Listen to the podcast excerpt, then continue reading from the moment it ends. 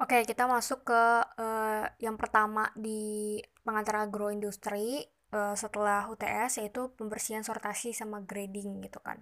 Yang pertama itu uh, pembersihan dulu itu kan. Pembersihan itu jadi tuh proses ngeluarin atau mindahin benda asing atau kotoran di bahan-bahan yang emang gak dipengenin dari produk utama gitu loh atau produk yang diinginin.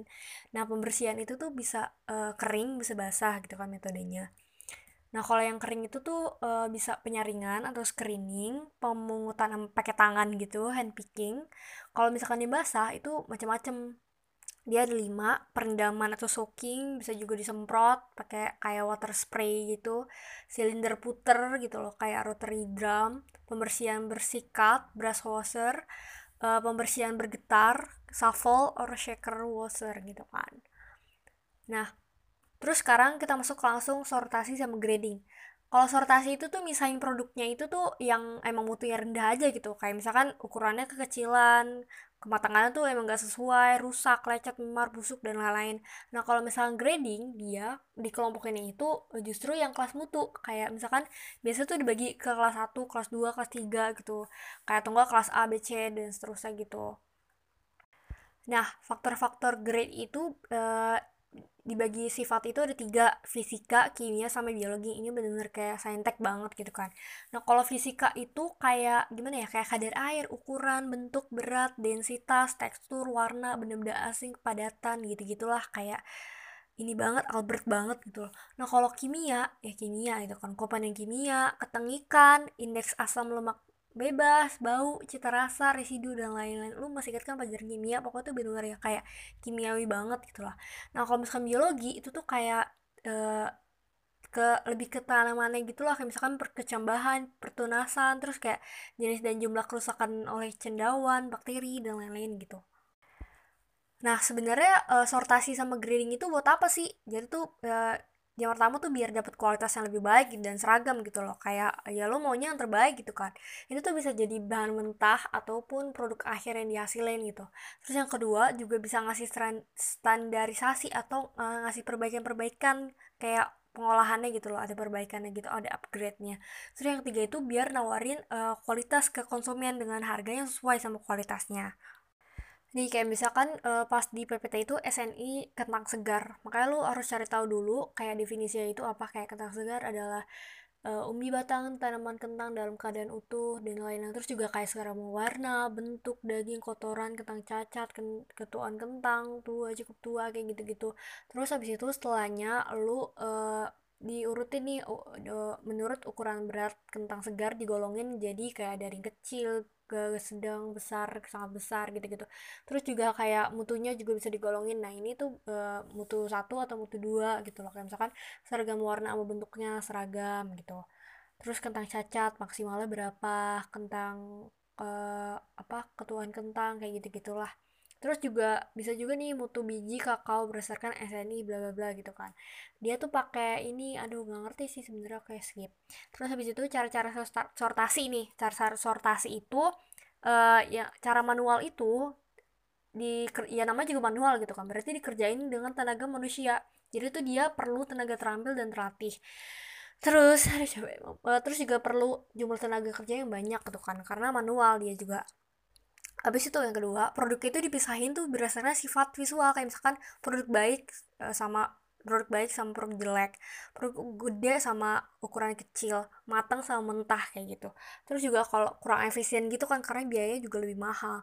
Nah kalau misalkan cara mekanis itu tuh bisa pakai uh, alat atau mesin sortasi bisa juga pakai tenaga kerja yang uh, dia tuh karena pakai mesin jadi tenaga kerjanya itu uh, relatif sedikit gitu kan. Terus juga dia lebih murah. Nah terus kalau misalkan mesin sortasi itu tuh ada yang saringan bergetar vibrating screen sabuk bercelah menyempit diverging belt, roll penyortir, roller sorter, uh, sama sortasi menurut beratnya itu weight sorter gitu kan. Terus uh, ada juga vibrating screen, vib uh, oh ini dijelasin satu-satu nih yang tadi tuh vibrating screen atau saring yang bergetar itu tuh jadi tuh dia tuh kayak uh, pengayakannya itu dengan cara digeterin gitu. Jadi diayakin digeterin. Nah bahan saringnya itu dari tembaga stainless steel atau enggak bahan lain yang yang bereaksi dengan produk itulah kayak pokoknya tuh dia kayak ini loh kayak tukang bangunan inget gak sih? Yang kayak uh, gitulah. Pokoknya ada di PWT oke. Okay. terus kalau di Virgin Belt itu dia tuh uh, dia tuh prinsipnya itu tuh pakai dua lebih sabuk gitu loh. Jadi tuh kayak pakai dua atau lebih sabuk yang mana tuh bahannya itu dilewatin di antaranya.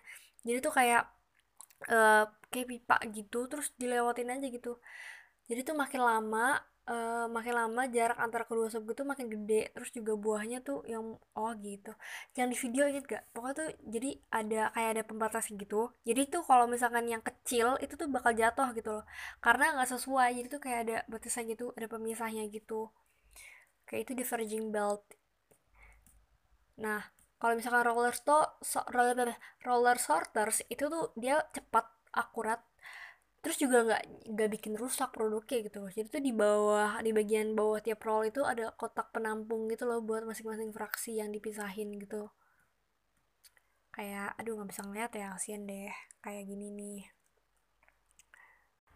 Jadi tuh dia tuh kayak uh, roll gitu yang muter-muter gitu. Jadi tuh nanti uh, dia uh, jadi tuh dia uh, ada kotak penampungnya jadi tuh nanti masing-masing uh, itu bakal dipisahin gitu loh. Jadi kayak inget gak sih yang kayak kayak roll pipa gitu ntar muter-muter terus buahnya di atasnya terus ter uh, jatuh sesuai sama tempatnya gitu terus itu weight sorter. Nah kalau weight sorter ini akurat gitu kan kecepatannya itu sedang dan aman. Jadi nggak nimbulin kerusakan juga. Terus juga bahan yang disortasi itu kayak bervariasi banget ukuran sama bentuknya gitu loh dia tuh kayak ini aja gitu kayak biasa kayak misalkan ya ini loh kayak uh, apa roll roll biasa gitu kayak misalkan karpet merah gitu terus jalan gitu yang muter gitu loh kayak apa sih uh, treadmill gitu lah treadmill. Oke ternyata sekian guys bye bye Oke, yang kedua dari pengatur agroindustri itu pengeringan atau pemanasan nih. Jadi pengeringan itu tuh proses turunin kandungan air aja gitu kan, sampai kadar yang dipengenin gitu loh. Kayak dia tuh lewat operasi pindah panas gitu. Jadi uh, pindah panas sama pindah massa yang terjadi itu secara simultan. Nah, terus abis itu jenis-jenisnya apa pengeringan? Jadi itu ada tiga. Uh, beneran tiga, iya beneran tiga jadi yang pertama itu pengeringan alamiah. Jadi dia pakai panas matahari aja gitu kan konvensional aja. Yang kedua uh, pakai alat gitu kan alat pengering. Ada cara non konvensional kayak oven. Terus juga bisa pakai kabinet dryer bed dryer spray dryer oven vakum microwave sama freeze dryer terus yang terakhir yang ketiga itu tuh pakai pengeringan gabungan. Itu tuh kayak dua-duanya sih kayaknya pakai alat juga pakai matahari juga. Nah terus habis itu macam-macam proses pengeringannya itu yang pertama uh, ada berdasarkan suhu sama tekanan dalam ruangan pengering itu loh. Jadi tuh bisa pengeringan atmosfer pengeringan vakum sama pengeringan beku. Kalau yang kedua itu pakai berdasarkan mekanisme pindah panas uh, pengeringan konvektif pengeringan konduksi, pengeringan inframerah, pengeringan gelombang mikro gitu kan. Nah, klasifikasi mesin pengering. Klasifikasi mesin pengeringnya itu kalau dari jenis bahan yang dikeringin itu tuh bisa pakai pengering bahan padat dan pasta, itu tuh kayak pengering rak, tray, pengering konveyor, pengering rotary, pengering flash, pengering fill fill this this bed, ya terus uh, yang kedua pakai pengeringan bahan cair. Kan tadi bahan padat kan sekarang bahan cair yaitu spray dryer sama drum dryer gitu kan. Terus abis itu berdasarkan metode operasi aduh ini panjang ya kayak ada ini aneh gitu apa main map gitu. Jadi dari mesin pengering itu ada dua di baginya jadi batch sama continue.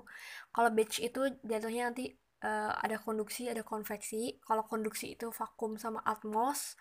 Kalau vakum itu tray Atmos juga bisa tray sama agitate udah sampai situ aja. Nah kalau misalkan konveksi itu tray sama full days base bed terus di bawahnya itu ada throw ke circulation. Nah kalau mesin pengering tadi kan ada batch terus sekarang ada continue. Kalau continue itu dibagi dua lagi konduksi sama konveksi. Dari yang gampang dulu konveksi. Konveksi itu ada spray uh, full Z bed through circulation band tray pneumatic direct rotary. Itu ya ribet-ribet lah kalau konveksi. Kalau konduksi cuma kayak vakum sama atmos lagi. Vakum dibagi jadi band sama drum. Nah atmos itu juga kedapatan drumnya sama sama indirect rotary gitu jadi intinya konveksi itu uh, dibaginya tuh sama vakum sama atmos kayak gitulah. Oh sama coy. Uh, konduksi itu vakum sama atmos. Kalau misalkan konveksi itu ada tray juga sama-sama ada tray juga. Uh, sama uh, fluid bed itu sih persamaannya dari batch sama continue. Terus habis itu tray dryer tray dryer itu tuh alat pengering yang bentuknya tuh kayak rak gitu loh jadi tuh bentuknya tuh persegi dalamnya tuh kayak ada rak-rak kayak gitu uh, buat tempat bahan yang bakal dikeringin. Itu tuh cocok banget buat uh, bahan yang bentuknya tuh padat atau butiran gitu loh. Itu sering digunain buat produk yang jumlahnya tuh kayak nggak banyak-banyak amat. Bisa digunakan juga dalam keadaan vakum terus waktu pengerja pengeringannya itu kayak ya 10 sampai 60 menit tuh gampang gitu. Nah tray dryer itu tuh bentuknya kayak yang di Notion kalau mau lihat oke? Okay? pokoknya tuh kayak kayak CPU gitu loh kayak ini komputer nih yang ituannya gitu kayak gitu. Terus abis itu ada conveyor dryer. Conveyor dryer itu alat pengering e, bentuknya itu kayak conveyor gitu. Jadi tuh dia tuh cocok banget e, bahannya buat berbentuk padat atau yang pasta. Sering digunain buat produk yang jumlahnya tuh gede kalau conveyor dryer ya. Terus prosesnya itu berlangsung berlangsung berjalan bersamaan dengan jalannya conveyor. Jadi uh, dia gede gitu kayak apa ya uh, kayak cerobong gitu jadi ada alat keluar airnya udara gitu kayak kotak terus kayak ada itu ini gitu loh apa sih yang uh, mesin AC kayak gitulah. Pokoknya ribet gitu deh pokoknya ini kayak buat karena ini kan buat gede gitu kan. Oh ini tuh kayak modelannya buat treadmill juga nih kayak yang jalan-jalan gitu terus habis itu rotary dryer eh, dia tuh, tuh pengering berputar. Jadi tuh pengering kontaknya tuh langsung terus juga beroperasi tuh secara kontinu gitu loh. Jadi tuh kayak terdiri atas cangkang silinder yang berputarnya perlahan terus biasanya tuh dimiringin gitu beberapa derajat dari bidang horizontal buat bantu perpindahan umpan basah. Terus itu dimasukin deh di atas ujung drumnya itu bahan keringnya tuh dikeluarin pada ujung bawahnya terus waktu pengeringnya tuh cepet kayak 10 sampai 60 menit doang. Ini tuh cocok buat yang berbentuk padat sama butiran. No si rotary dryer pengering berputar. Itu kayak ih jelek banget bentuknya bener-bener kayak apa ya kayak ini loh kayak yang semen gitu loh yang kayak cebung gitu terus ada ada palanya gitu kayak kayak ulet cacing Alaska sumpah. Tuh drum dryer ada bulat-bulat terus ada spray dryer jadi itu pengering semprot. Itu cocok banget buat bahan yang bentukan tuh kayak larutan itu loh kayak kental gitu. Terus juga bentuknya tuh pasta susu zat pewarna yang kayak bahan farmasi gitulah. Nah kapasitasnya itu beberapa kilo per jam sampai 50 ton per jam penguapan. Kayak 2 juta 20 ribu pengering semprot nah umpan da yang diamutasi dalam bentuk percikam itu disentuhkannya itu dengan udara panas neraca yang baik gitu kan. Spray dryer. Pengering semprot dia tuh bentukannya kayak uh, oh gini doang. Kayak apa sih yang di kebakaran gitu loh yang kebakaran sprot spot gitu. Terus ada freeze dryer pengering beku. Itu cocok banget buat padatan yang sangat sensitif panas. Kayak misalkan tuh bahan bioteknya tertentu gitu kayak misalkan bahan farmasi. Pangan atau enggak pangan dengan kandungan fosfor yang tinggi gitu kan. Ini tuh pengeringannya tuh terjadi tuh di titik triple cairan yang nyublim air beku jadi uap. Jadi tuh air beku jadi uap. Terus tuh kemudian tuh dikeluarinnya tuh e, dari ruang pengering udah pakai pompa vakum mekanis. Dia tuh ngasilin produk bermutu tinggi dibandingin sama teknik dehidrasi lain yaitu freeze dryer pengering beku gitu lah. Bentukannya itu kayak ya apa ya kayak pin bulat tapi tuh kayak ada pintunya gitu kayak CPU tapi itu dalamnya tuh ada itunya vakumnya gitu lah. Terus habis itu ada pengering gabungan nah kalau pengering gabungan itu uh, pakai energi sinar matahari sama energi bahan bakar lain. Uh, pakai sistem konveksi paksa. Kayak udara panas dikumpulin di kolektor terus dihembusin ke komoditi latar belakangnya itu karena temperatur lingkungan itu kayak cuma 33 derajat jadi temperatur pengeringan itu uh, komoditi pertanian itu banyak yang sekitarnya tuh kisarnya tuh kayak 60 sampai 70 derajat. Nah ini tuh perlu ditingkatin temperatur lingkungannya. Caranya tuh gimana? Buat ngumpulin udara. Cara itu ngumpulin udara dari satu kolektor surya terus juga dihembusin lagi ke komoditi. Dia tuh pakai blower atau kipas angin gitulah. Gitu. Atau alat pengerit surya belum mas masih Oke, sekarang yang ketiga yaitu ekstraksi sama dilatasi, distilasi maksudnya. Ini masih pengantar agroindustri. Jadi kan bingung kan ekstraksi itu apa? Jadi tuh ekstraksi itu proses gimana pengambilan suatu senyawa nih atau zat dari suatu bahan gitu jadi tuh gimana ngambil gitu loh nah ekstraksi itu proses itu biasanya dilakuinnya itu uh, per pertanian gitu uh, karena tuh pada zat itu tuh ada senyawa yang dipinginin gitu kan. Nah ekstraksi itu bisa dilakukan dengan dua cara yaitu mechanical extraction ekstraksi mekanis sama solvent extraction. Uh, ekstraksi dengan pakai pelarut oke kita jelasin dulu. Ekstraksi mekanis aduh lo bet bentar. Oke, jadi ekstraksi mekanis itu tuh proses pemisahan cairan dari solid. Pakainya itu pakai gaya kompresi gitulah. Jadi gimana pisahin cairannya itu dari solidnya itu pakai gaya kompresi. Nah, ekstraksi mekanis itu banyak digunain nih buat kayak misalkan minyak gitu kayak dari yang asal tuh dari biji-bijian gitu. Ini tuh efektif banget buat misahin minyak dari bahan yang kayak punya kandungan minyak itu tinggi gitu loh, kayak 30 sampai 70%.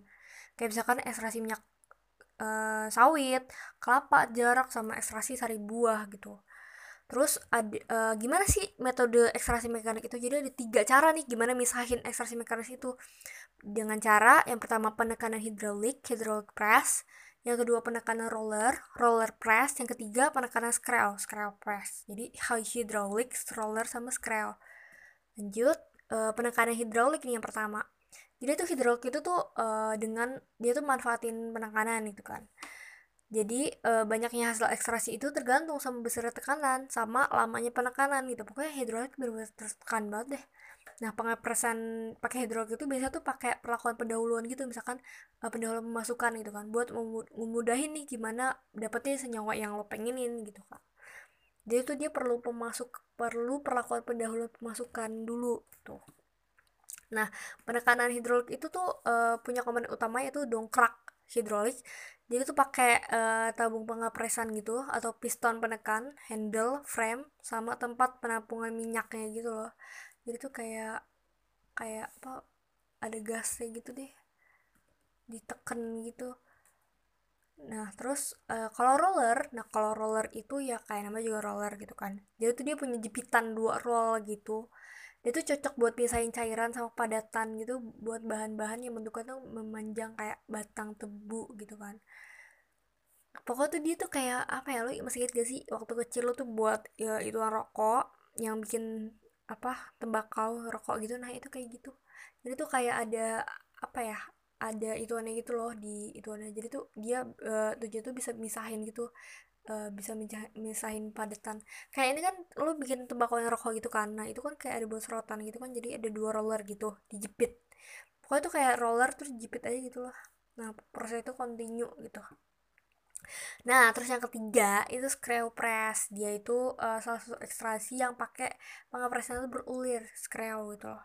Jadi tuh dia uh, kayak ada geri-geri gitu pengepresan roller itu bisa berjalan itu secara kontinu dia tuh kayak bergeri-geri gitu deh pokoknya kayak sekup gitu kayak nah contoh pengolahan atau ekstraksi minyak sawit nih kalau pengolahan minyak sawit itu tuh kayak yang di video oh inget ini video mana sih? Pokoknya minyak sawit itu kayak gini nih.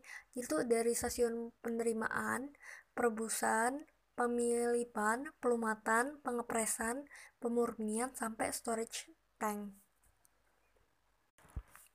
Nah, kalau ekstraksi pakai pengelarut itu, jadi tuh ekstraksi pakai pelarut itu tuh minyak atau lemaknya itu sama pelarut sama eh apa sih? Ekstraksi minyak atau lemak dengan melarutkan minyak atau lemak dalam pelarut minyak atau lemaknya apa sih anjing yang sesuai. Jadi tuh pelarut itu pakai proses ekstraksi gitu kan. Jadi tuh pelarut itu uh, mudah nguap pada suhu kamar kayak N-hexan, petroleum ether, benzen gitu kan. Nah digunain itu buat uh, ekstraksi bahan yang punya kandungan minyak yang jumlahnya kecil gitu kan kalau parut. Nah metode itu butuh waktu yang lama, cukup lama. Terus juga pemilihan jenis pelarut itu harus yang tepat gitu buat dapetin uh, buat bisa uh, ngelarutin komponen bahan yang lo mau gitu. Nah, kalau metodenya itu, ekstraksi pelarut itu ada dua, bisa pakai cara dingin sama panas. Kalau dingin itu bisa pakai masa seri sama per lokasi. Kalau panas itu ada empat, reflux, ekstraksi dengan pakai alat coklat, terus juga metode infusa sama metode destilasi kita jelasin ya. Oke, jadi ya yang pertama dulu nih yang ekstraksi dingin kan tadi masih sari. Jadi tuh masih sari itu tuh pakai uh, pelarut diem gitu loh. Jadi tuh kayak beberapa kali uh, pengocokan pada suhu ruangan gitu itu dasarnya tuh metode ini tuh uh, dengan cara ngeredem sampel dengan sekali-sekali dilakukan pengocokan jadi direndam terus dikocok-kocok nah uh, umumnya tuh perendaman itu 24 jam gitu terus selanjutnya itu diganti sama perawat baru gitu pokoknya tuh uh, seri itu dengan cara pengocokan. Eh pengocokan pada suhu ruangan. Jadi pokoknya dia di uh, rendam terus dikocok gitu lah. Terus Nah, kalau per lokasi, per lokasi itu tuh uh, merupakan ekspansi dengan uh, pakai pelarut yang selalu baru gitu sampai sempurna exhaustive extraction. Jadi tuh umumnya tuh dilakukannya tuh di, di suhu ruangan. Nah, per lokasi itu sampelnya itu direndam pakai pelarut. Habis itu uh, selanjutnya pelarut baru tuh dilaku, dilalukan jadi tetesin terus menerus sampai warna pelarutnya itu nggak berwarna lagi atau sampai bening gitu loh artinya tuh udah nggak ada senyawa yang terlarut lagi gitu loh jadi tuh uh, direndam terus ditetes-tetesin gitu Nah, kalau reflux, reflux itu ekstraksi itu pakai peralatan yang dititik di dish pelarut itu tuh. Jadi tuh selama waktu tertentu itu dan jumlah sejumlah pelarut tertentu dengan adanya pendingin balik itu kondensor gitu. Pelarut bakal terus ber mengekstraksi gitu dengan panas. Jadi tuh terus nguap uh, sebagai senyawa murni terus habis itu didinginin di dalam kondensor itu turun lagi ke wadah terus ekstraksi lagi terus begitu terus itu bentukannya kayak uh, apa ya pentul kebalik gitu pentul kebalik bawahnya itu uh, itunya bolanya gitu.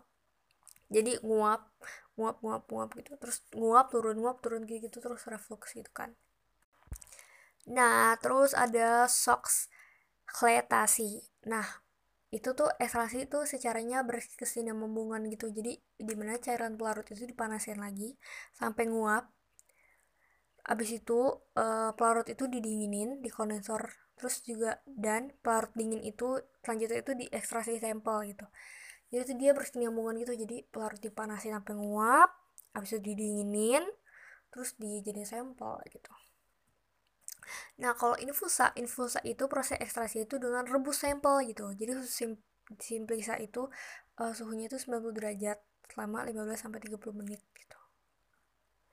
Kalau distilasi, distilasi itu proses penyulingan atau pengambilan suatu zat atau senyawa dari suatu bahan itu pakai uap panas gitu. Jadi secara kontinu atau pemisahan suatu nyawa itu tuh pak uh, suatu bahan itu pakai uap panas. Contoh itu kayak distilasi minyak kenanga minyak nilam itu distilasi. Pokoknya pakai uap panas. Nah kalau penyulingan itu minyak asteri yang di kantong-kantong minyak itu dalam jaringan tumbuhan itu kan itu kan. Jadi tuh perlu usaha buat ngeluarinnya gitu. Jadi dari air ke katel penyuling uh, tanaman eh, gimana sih? Jadi tuh gimana sih bacanya? Jadi dari air atau tanaman aromatik ke katel penyuling terus juga di bawahnya tuh panasnya gitu. Oh jadi atasnya air. Ke kirinya itu tanamannya aromatik. Terus bawahnya tuh panas kan dari api ke uh, katel penyulingnya itu. Nah habis itu ngasilin uap panas gitu kan dan, minyak asteri. Terus habis itu ke kondensor terus ke tabung pemisahnya. Di tabung pemisah itu ada minyak asteri sama air suling. Nah, penyulingan sistem penyulingan itu uh, proses pemisahan itu bisa secara fisik itu tuh suatu campuran dua atau lebih produk yang punya titik didih yang beda gitu. Jadi tuh uh, cara mendidihnya itu uh, dengan cara didihin terlebih dahulu nih komponen yang udah punya titik didih rendah terpisah dari campurannya. Nah, metode penyulingan minyak astir itu ada tiga. Penyulingan dengan air, water distillation, penyulingan dengan uap dan air, steam dan water distillation, uh, yang ketiga penyulingan dengan uap langsung steam distillation gitu kan nih contohnya. Contohnya itu destilasi pada penyulingan minyak nilam nih. Jadi uh, dari minyak nilam itu dipetik daun atau tangkainya terus itu dikecilin ukurannya terus pelayuan apa pengeringan terus daun sama tangkainya itu daun sama tangkai nilam kering itu dipenyulingan lagi minyak dan uh, air nilam itu dipisahin jadi deh minyak nilamnya. Kandungan minyak nilam itu daunnya 5-6%, batang cabang sama rantingnya 0,4 sampai 0,5%. Nah, terus ada lagi penyulingan minyak akar wangi. Jadi tuh prosesnya itu tuh dari tanaman akar minyak wangi dilakuin dulu nih pendahuluannya dengan pembersihan dan pengeringan akar, terus pencacahan, penjulingan, kondensasi, pemisahan sampai ke minyak akar wangi. Nah, rendeman minyak akar wangi itu 2 sampai 3% gitu. Terus industri kecil penjulingan minyak pala. Kandungan minyak pala itu 13 sampai 15% gitu kan. Selesai. Oke, terus evaporasi sama kristalisasi gitu kan. Evaporasi evaporasi itu jadi tuh penguapan atau pengurangan air dari suatu bahan biar ini belum sih? Biar diperoleh satu bahan itu jadi lebih kental gitu atau konsentrat. Nah evaporasi itu dipengaruhi sama faktor kayak besar suhu, lama evaporasi atau tekanan digunain. Jadi tuh evaporasi itu uh, penguapan gitu kayak pengurangan air biar lebih kental gitu kan.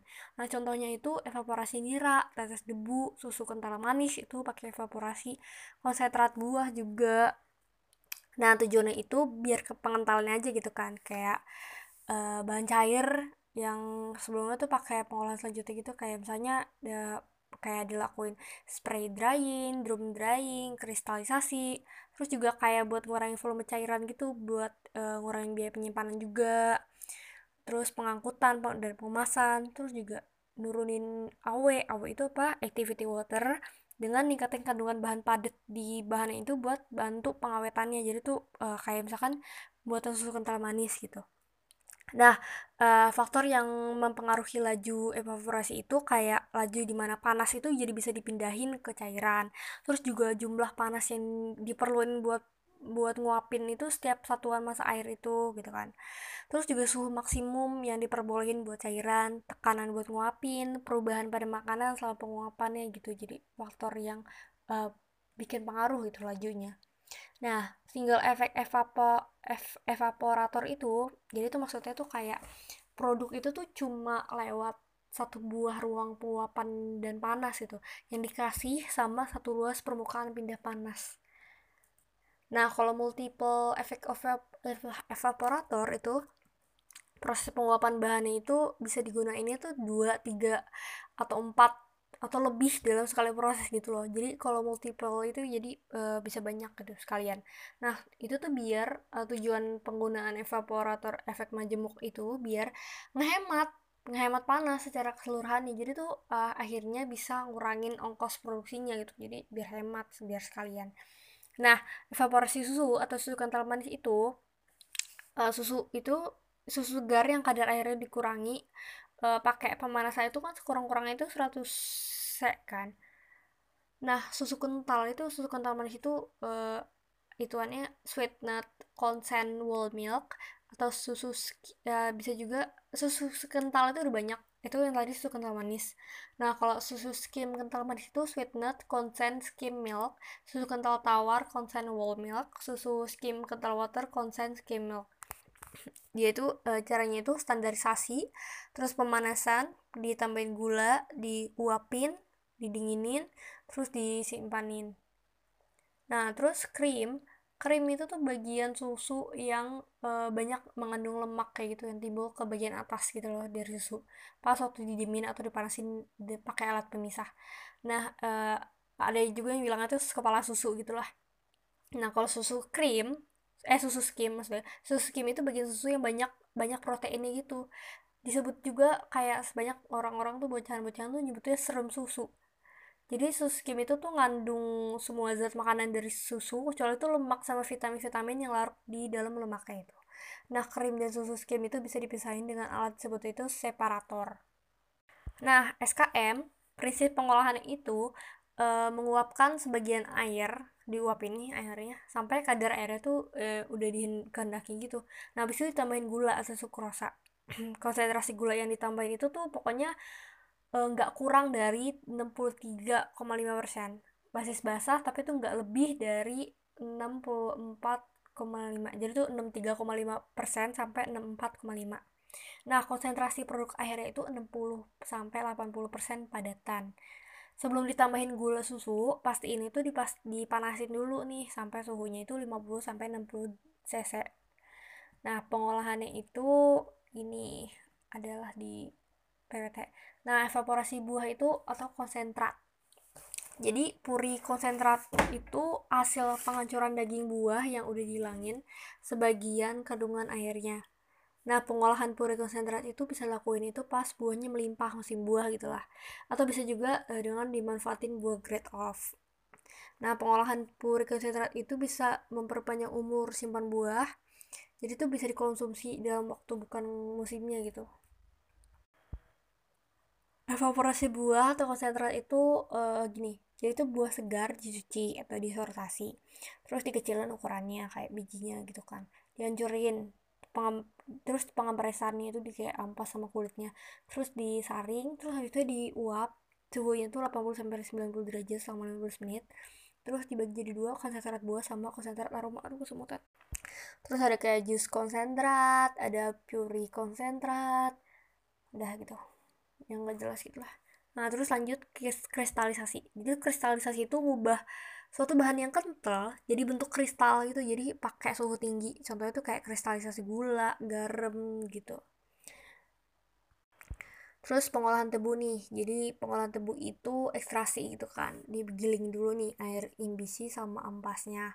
Habis itu diklarifikasi itu kayak di uh, pemurnian gitu. Bahan kimia sama blotong terus evaporasi atau penguapan uap sama air kondensat. Terus kristalisasi masakan uap sama air kondensat. Terus sentrifungsi uh, putaran gitu tetesnya gitu terus jadi di gula. Ekstraksi ini jadi itu tahap pertama pengolahan itu ekstraksi jus atau sari tebu. Itu ekstraksi gitu kan Nah, proses itu tuh tebu tuh dihancurin di sebuah serial penggiling puter itu diputer-puter, dihancurin yang ukuran tuh gede banget. Nah, terus cairan tebu manis itu dikeluarin dari serat tebu yang dipisahin. Habis itu selanjutnya dipakein mesin pemanas atau boiler. Nah, terus pengendapan atau liming. Liming itu tuh proses dibersihin nih jus hasil ekstraksi yang tadi pakai kayak kapur gitu namanya slack lime yang bakal diindepin sebanyak mungkin kotoran buat uh, akhirnya kotoran itu dikirim lagi ke lahannya gitu kan dikirim balik ke lahannya. Terus habis itu penguapan atau evaporasi. Jadi kayak udah ngalamin proses liming tadi jus yang dikentalin itu tuh jadi sirup gitu. Caranya tuh diuapin air itu pakai uap panas di suatu proses itu dinamain evaporasi. Nah nira jernih itu dipeketin di dalam penguapan dengan pakai sistem multi multiple effect nira encer itu dengan padatan terlarut 16% uh, bisa dinaikin jadi 64% dan disebut nira kental. Nira kental itu siap dikristalisasi di stasiun kristalisasi. Sebelum itu nira kental itu dikasih gas SO2 gitu buat proses pemucatannya gitu. Terus abis itu dididihin atau dikristalisasi. Jadi nilai kental dari stasiun penguapan itu tuh diuapin lagi di dalam pen kristalisasi sampai ke ngelewatin titik jenuh. Nah, penguapan itu sampai suhu 1000 sampai 1500 C.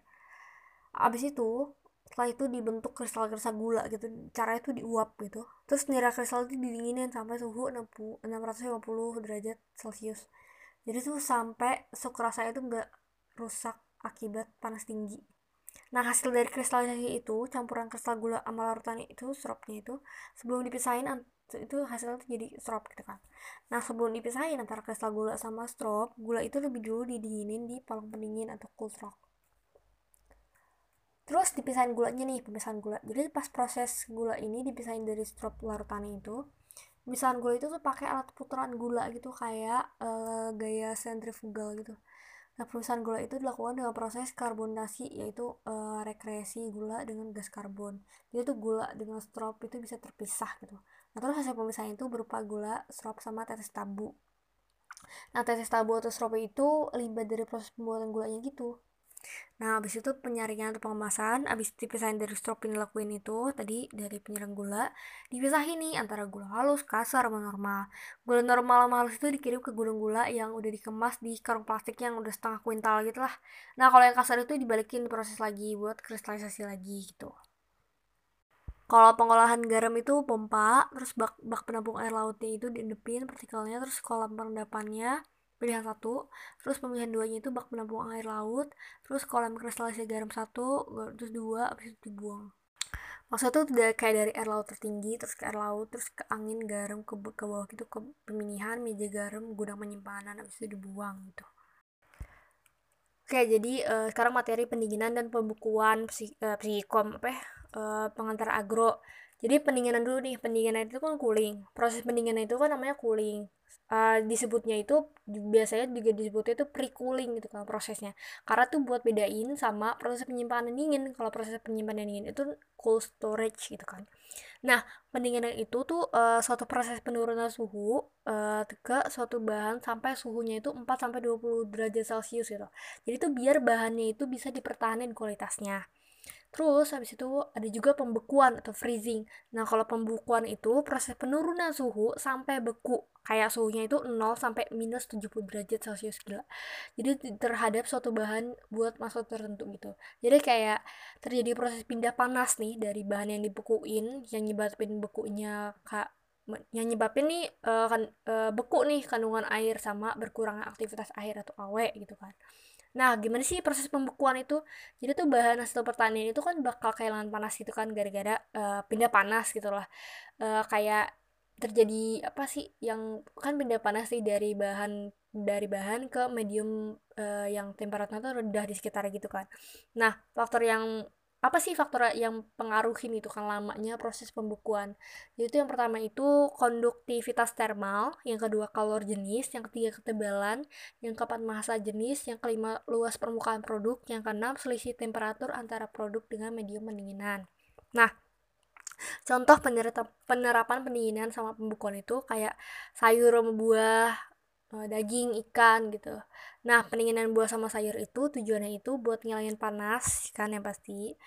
Uh, kan dia kan dari hasil pertanian gitu kan yang dari lapangan berarti kan panas jadi harus dihilangin dulu panas ya terus juga memperlambat proses respirasi nurunin kepekaan bahan ke serangan mikroba ngurangin jumlah air yang hilang kayak transpirasi gitu terus juga uh, mudah ini buat pindahin ke dalam ruangan penyimpanan dingin gitu atau sistem transportasi pendinginan gitu Nah, pendinginan buah sama sayur itu metode prosesnya itu dengan cara e, pendinginan dengan cara udara dingin, air cooling, air dingin, hydrocooling sama e, dengan cara ngurangin tekanan udara vakum cooling. Jadi udara dingin air cooling, air dingin hydrocooling, e, tekanan ngurangin tekanan udara vakum cooling.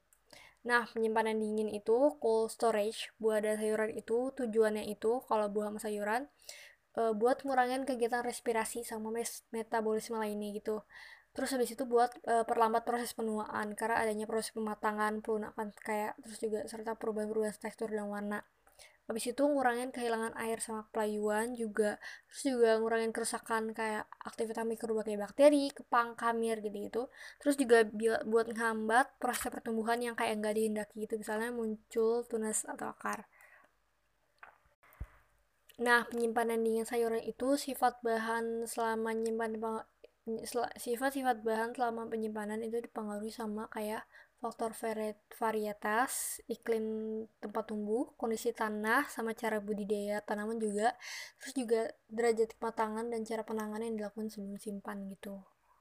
Kayak misalkan gini, aspargar aspargargus suhunya itu 0,0 sampai 2,2 uh, eh, Celsius RH-nya 95 umur simpannya 2 sampai 3 minggu gitu.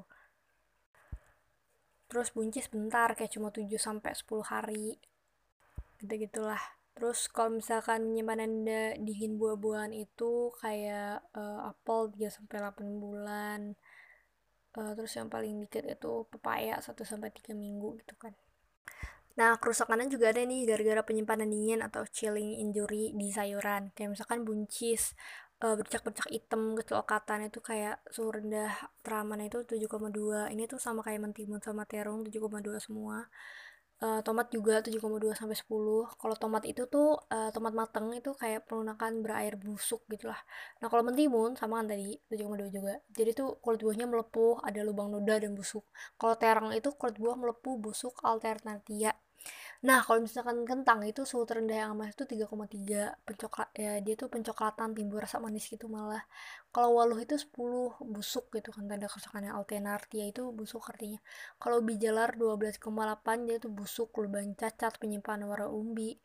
Terus kalau tomat yang hijau itu 12,8 warna jelek kalau matang terus busuk Alternatia.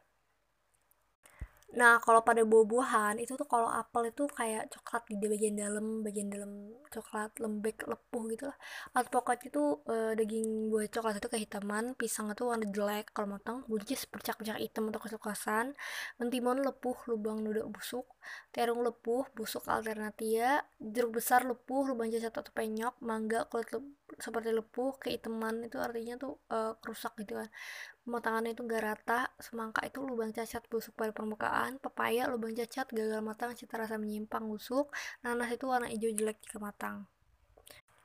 Nah, kalau pendinginan daging itu tuh dilakukan itu e, nurunin suhu karkas atau daging e, jadi di bawah plus 7 Celcius dan di atas daging kudingi daging gitu kayak min 1,5 Celcius.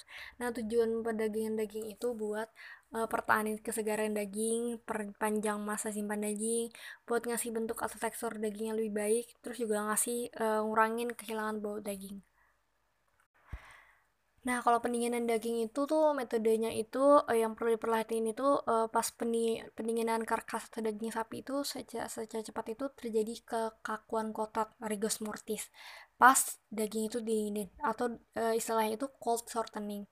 Nah, daging yang punya yang lagi ngalamin cold shortening itu tuh punya kualitas rendah jadi tuh keempukan daging itu tuh nurunin kayak liat liat atau alot gitu lah. Jadi kenapa alot itu karena uh, terjadi cold shortening gitu atau ototnya itu kaku pas dagingnya didinginin gitu nah uh, alatnya itu cold shortening itu terjadi gara-gara daging itu tuh belum mengalami rigor mortis kayak masa simpan daging dingin itu sebenarnya tuh daging sapi tanpa kemasan vakum itu suhu pendinginan itu 3 sampai 4 minggu. Itu kalau min 1 derajat sampai 0 derajat. Kalau misalkan lebih dari 2 derajat sampai 4 derajat itu tuh kurang dari 6, 2 minggu lah kira-kira gitu. Nah pembukuan daging nih. Pembukuan daging itu tuh didapetinnya itu dengan nurunin suhu daging di bawah titik beku daging. Uh, pembukuan yang baik diperoleh itu dengan nurunnya suhu bagian dalam daging minimal tuh sampai min 12 derajat pas itu tuh pembukuan daging itu sapi itu diperoleh dengan pembukuan daging pas suhu udara min 25 derajat sampai 45 derajat. Kecepatan udara itu sampai 2 sampai 9 meter per detik. Nah pembekuan itu tuh tujuannya tuh buat perpanjang masa simpan daging itu tanpa mengubah susunan kimiawi dagingnya. Nah kecepatan proses itu tuh didasarin sama kecepatan udara di uh, ruang pembukunya itu nyatainnya dalam cm per jam. Kayak misalkan kecepatan pembukuan itu maka proses pembukuan itu dibagi jadi tiga.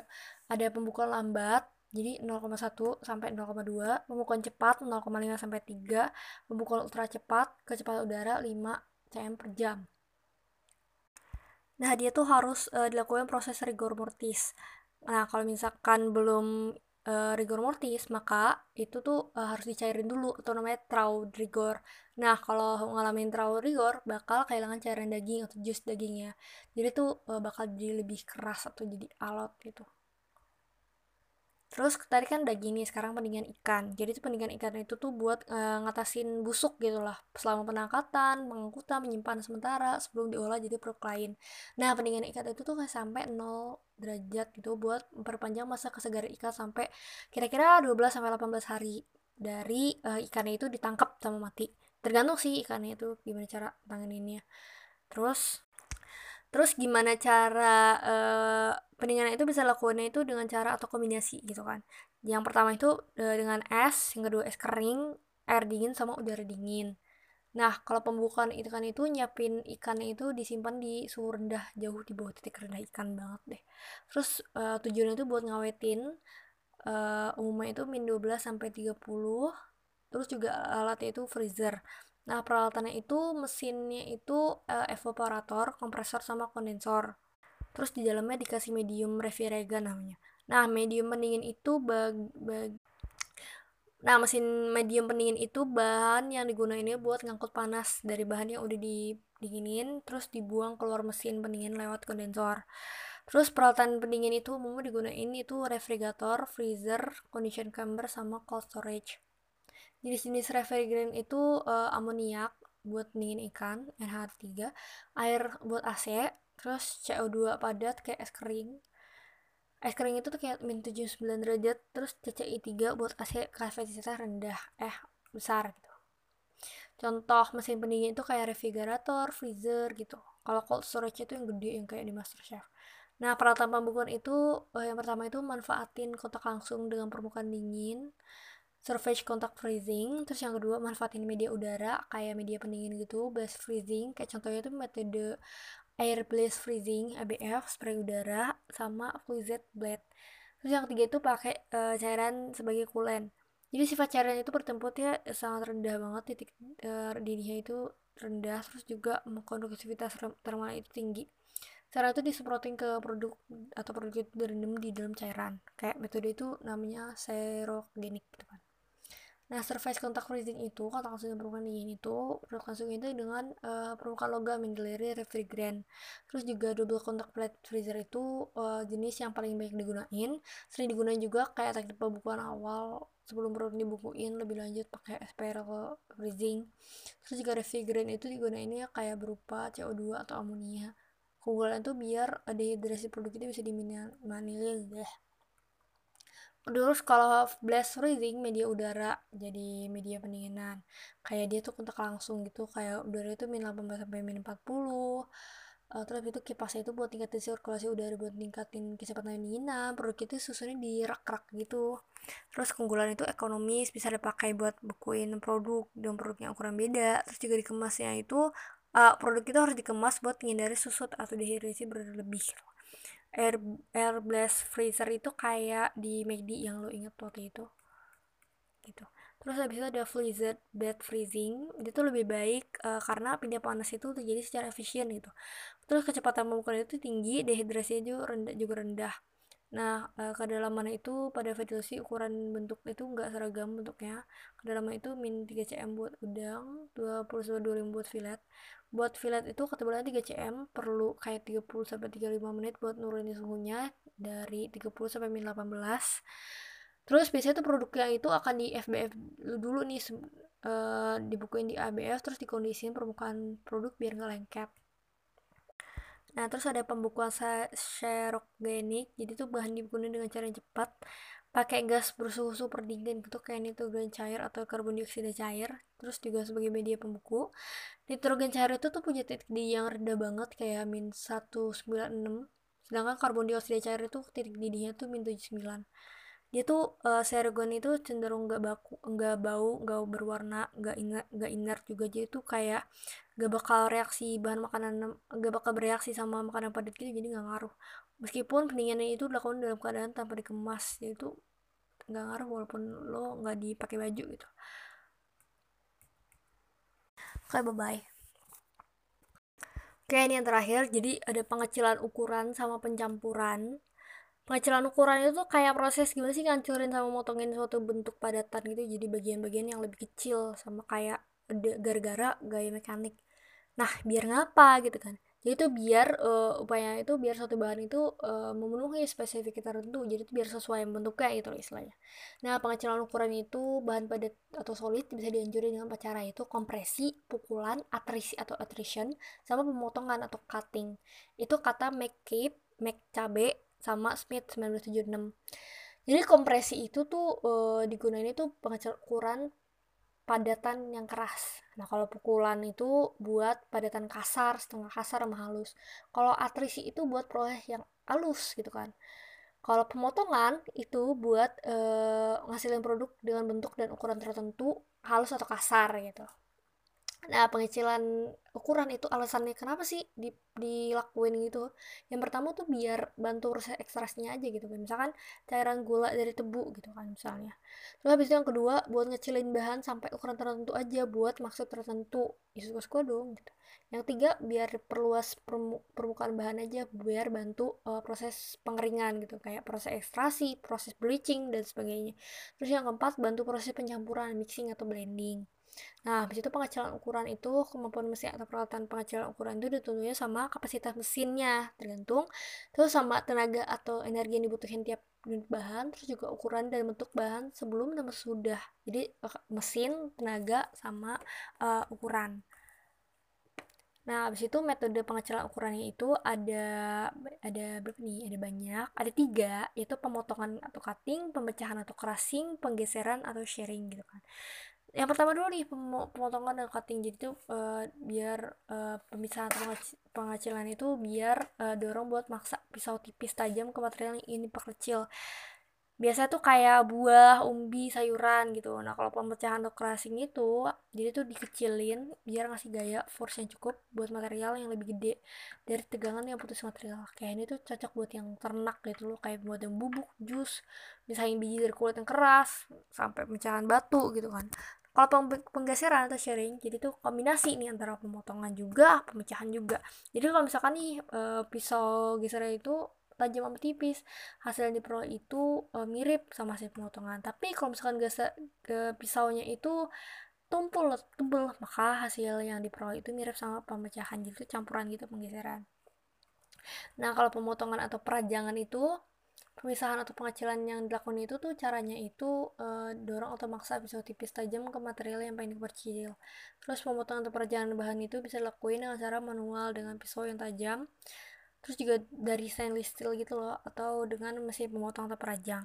Nah bentuk irisan split atau slice itu tergantung tujuan pemakaiannya. Jadi tuh tujuan dapat minyak astri yang paling tinggi itu e, bentuk irisan itu sebaiknya membujur atau split. Jadi kalau misalkan pengen pengen dapat uh, bahan yang lebih cepat kering bentuk irisan itu harus melintang slice jadi kalau misalkan mau uh, dapat minyak asri yang tinggi itu membujur split kalau misalkan mau yang cepat kering itu melintang slice Terus pemotongan atau perajangan itu, peralatan pemotong itu kan slicer kan namanya. Nah terusnya itu uh, baja tahan karat yang pakai buat proses pemotongan itu uh, dari berbagai ketebalan gitu. Jadi dia tuh pakai baja bahan tahan karat gitu terus mesin pemotong berputar rotary cutter itu uh, umumnya itu dari pisau yang putarnya itu terbuat dari baja paduan atau alloy steel Nah, kalau penggeseran atau sharing itu, cara itu tuh uh, pakai prinsip impact. Jadi tuh kayak ngikes buah atau giling buah gitu. Nah, alatnya itu tuh buat ngasilin bahan itu buat ukurannya halus banget. Jadi tuh alat itu digunakan di metode hammer mill, bell mill, sama disc attrition mill. Nah, hammer mill itu jadi tuh kayak aplikasi dari gaya pukul gitu atau impact force. Jadi prinsipnya itu dia tuh rotor, kecepatan itu tinggi. Dia muter-muter gitu, muter-muter palu, mukul di sepanjang lintasannya gitu. Nah, bahan masuk atau terpukul oleh palunya itu berputar terus numbukin e, bertumbuhannya dengan dinding. Palu itu sesama bahan. Jadi itu akibatnya bakal terjadi pemecahan bahan. Proses itu berlangsung terus sampai didapetin bahan yang lolos dari saringan bawah alat. Itu kayak selain gaya pukul dia juga terjadi sedikit gaya sobek. Terus bell mill bell mill itu uh, alat penghalus yang pakai bola-bola penggiling gitulah. Bola-bola besi itu dimasukin ke bejana salah satu dan kedua sisi di porosnya. Bejana itu dihubungin dengan sistem pemutar bejana Terus prinsip kerjanya itu uh, material itu diperhalus sampai tumbukan antara bola penggiling yang ada di shell silinder yang putar pada sumbu putar horizontal gitu lah. Terus kalau di milk itu, di mill itu tuh penggiling yang manfaat yang manfaatin gaya sobek atau shear force yang banyak dipakai itu buat ngasilin gilingan halus gitu lah. Nah, tipenya itu digunakan itu pakai penggiling cakram tunggal single disc mill sama penggiling cakram ganda double disc Oke, ini lanjutan yang ini ya sebelumnya. Uh, terus habis itu dismilk, dismilk itu tuh uh, ada single dismilk. Jadi tuh bahan yang dihancurin itu tuh lewat di antara dua cakram. Cakram yang pertama muter, yang lain itu tetap di tempatnya. Nah, efeknya penyebekan yang didapat itu tuh karena uh, adanya pergerakan salah satu cakram gitu. Jadi tuh jarak antar cakram itu bisa diatur, bisa disesuaikan sama ukuran bahan sama progenitin tapi single disc mill tuh digunainnya tuh buat jagung yang diolah secara wet milling gitu loh. Jadi tuh kayak pembuatan mentega kacang atau dan nut shells gitu. Terus disc mill yang kedua itu ada double-nya double disc jadi tuh penggilingan ini tuh kedua cakram itu sama-sama muter sama-sama lawan arah. Kan tadi kalau single kan yang satu diem. Kalau ini tuh sama-sama muter. Akibatnya itu uh, perputaran duanya itu dia akibatnya itu uh, efek penyobekan di bahan yang jauh lebih gede gitu loh dibanding sama cakram tunggal.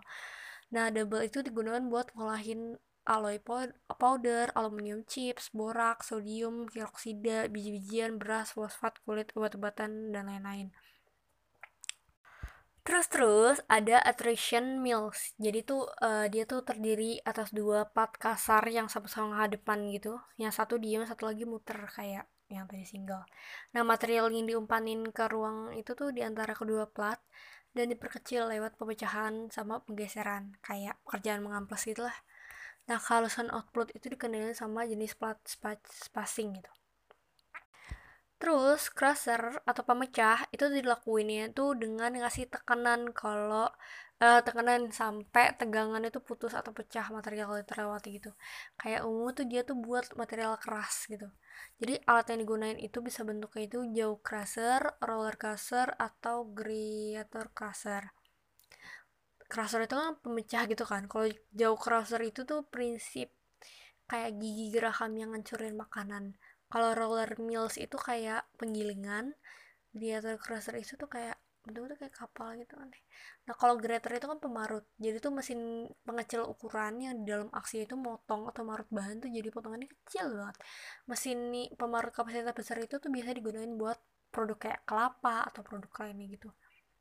Nah, terus ada juga pencampuran. Pencampuran itu tuh proses penambahan suatu bahan ke bahan lain buat dapetin hasil homogen dengan pakai alat pengaduk atau alat pencampur lainnya gitulah.